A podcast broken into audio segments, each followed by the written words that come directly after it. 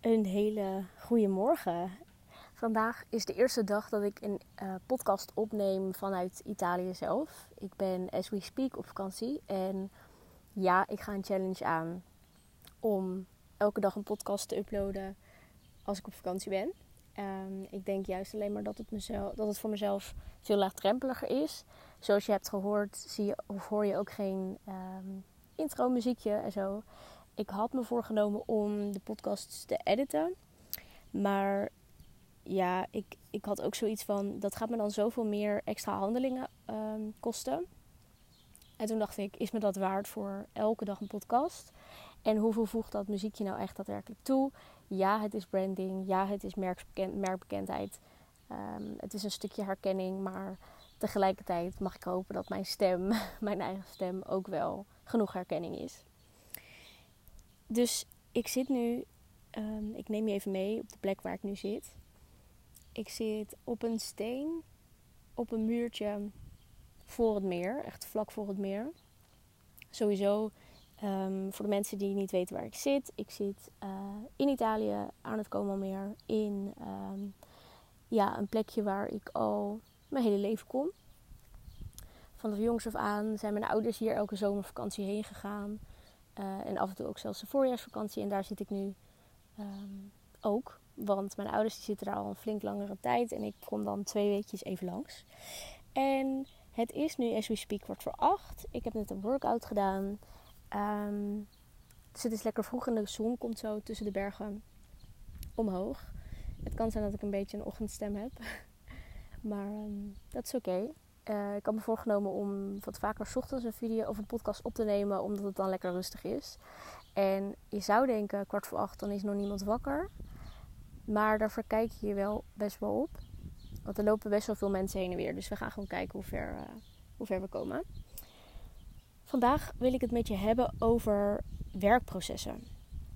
Werkprocessen zowel intern als extern. Hoe gaan jouw werkprocessen? Waar loopt het bij jou heel soepel, maar waar loopt het ook regelmatig stak?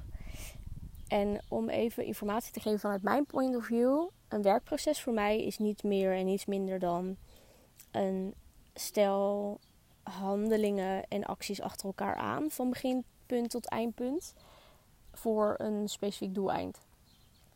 Um, als voorbeeld bijvoorbeeld uh, je onboardingproces. Dat is een werkproces die begint bij een klant zegt ja, dan gaat het onboardingsproces um, in werking. Tot en met eigenlijk dat je klant, uh, bij mij in ieder geval, uh, de eerste call heeft. Want ik vind bijvoorbeeld de kick-off ook nog deel van het onboorden. Um, en het deels kennis maken ook. We hebben dat natuurlijk ook al gedaan in een eerdere call. Dus dat is even mijn, mijn uh, voorbeeld. Dan weten we dat we over hetzelfde hebben. En ik wil je vandaag bewust maken en je vragen hoe jij deze processen invult. Hoe zien die processen er bij jou uit? En welke heb je? Welke processen heb je? En ben je er bewust van dat je die processen hebt? Of heb je gewoon ja, een soort van logische redenen bedacht om dingen achter elkaar te doen? Um, maar misschien kan je die processen ook wel automatiseren of versimpelen of versnellen. Als je um, nog meer voorbeelden wil weten, je kan bijvoorbeeld, nou ja, die onboarding is één. Dat vind ik een heel extern um, werkproces, omdat dat te maken heeft met je klant. Maar je kan ook interne werkprocessen hebben, zoals bijvoorbeeld je marketing, je financiën, uh, maar ook hoe werk je met je team. Um, en om je even een voorbeeld te geven over bijvoorbeeld onboarding. Wow, er dook ineens een vis uit het water. um, heb je mailtjes staan, klaarstaan. Ik heb bijvoorbeeld een, een aantal mails klaarstaan voor wanneer uh, een potentiële klant een lead ja zegt. Dan um, heb ik een aantal mailtjes klaarstaan. En afhankelijk van wat de terugkoppeling daarvan is, weet je, de bevestiging en de eerste betaling, uh, dan volgen de andere mailtjes. Um, nou, dat staat bij mij allemaal in Notion. Ik werk heel graag met Notion. Um, daar krijgt mijn klant ook toegang tot. Ze krijgen een eigen dashboard in Notion. Um, maar je kan mailtjes sturen met de hand, maar je kan ook geautomatiseerde mails sturen natuurlijk. Um, ik denk dat het goed is om sowieso heel erg te gaan kijken naar je onboardingproces.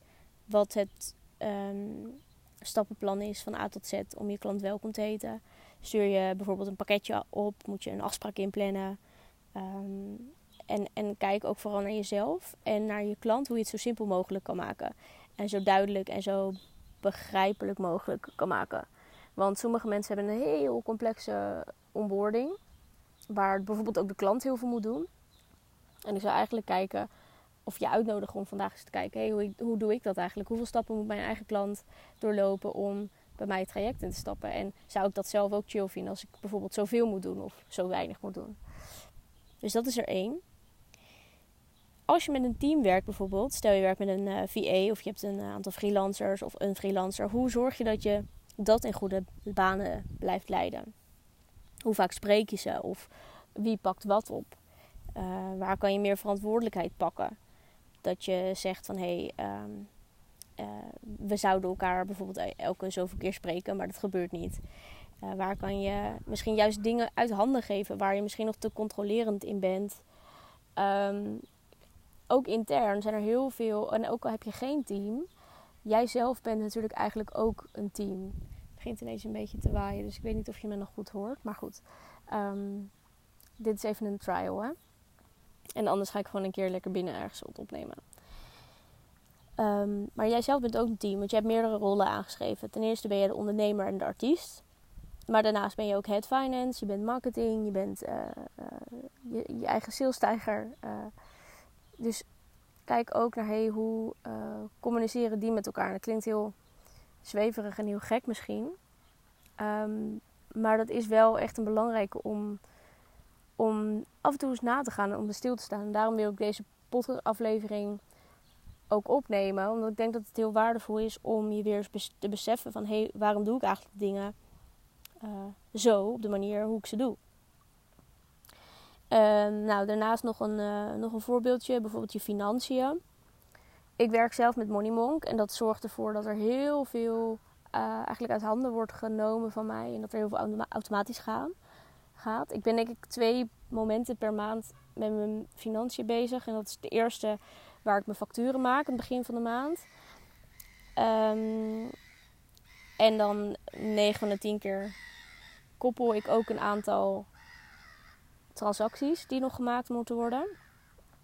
Um, en daarnaast, een week of twee, drie later, check ik of de facturen betaald zijn en of ik nog herinneringen moet sturen. En ook daar uh, ga ik weer transacties koppelen. En dat is echt niet meer niet minder dan een klik op een knop. Omdat 9 van de 10 keer zijn de uh, dingen al voorgesteld. Uh, de dingen die niet zijn voorgesteld, die doe ik meestal alleen met, het, uh, met de kwartaalaangifte. Dat kost me net even wat meer tijd. En die tijd die wil ik sowieso niet elke maand nemen. En die wil ik dan prima nemen als ik één keer in het kwartaal mijn aangifte doe. Dus ja, die mailtjes bijvoorbeeld gaan vanzelf. Die facturen gaan redelijk vanzelf.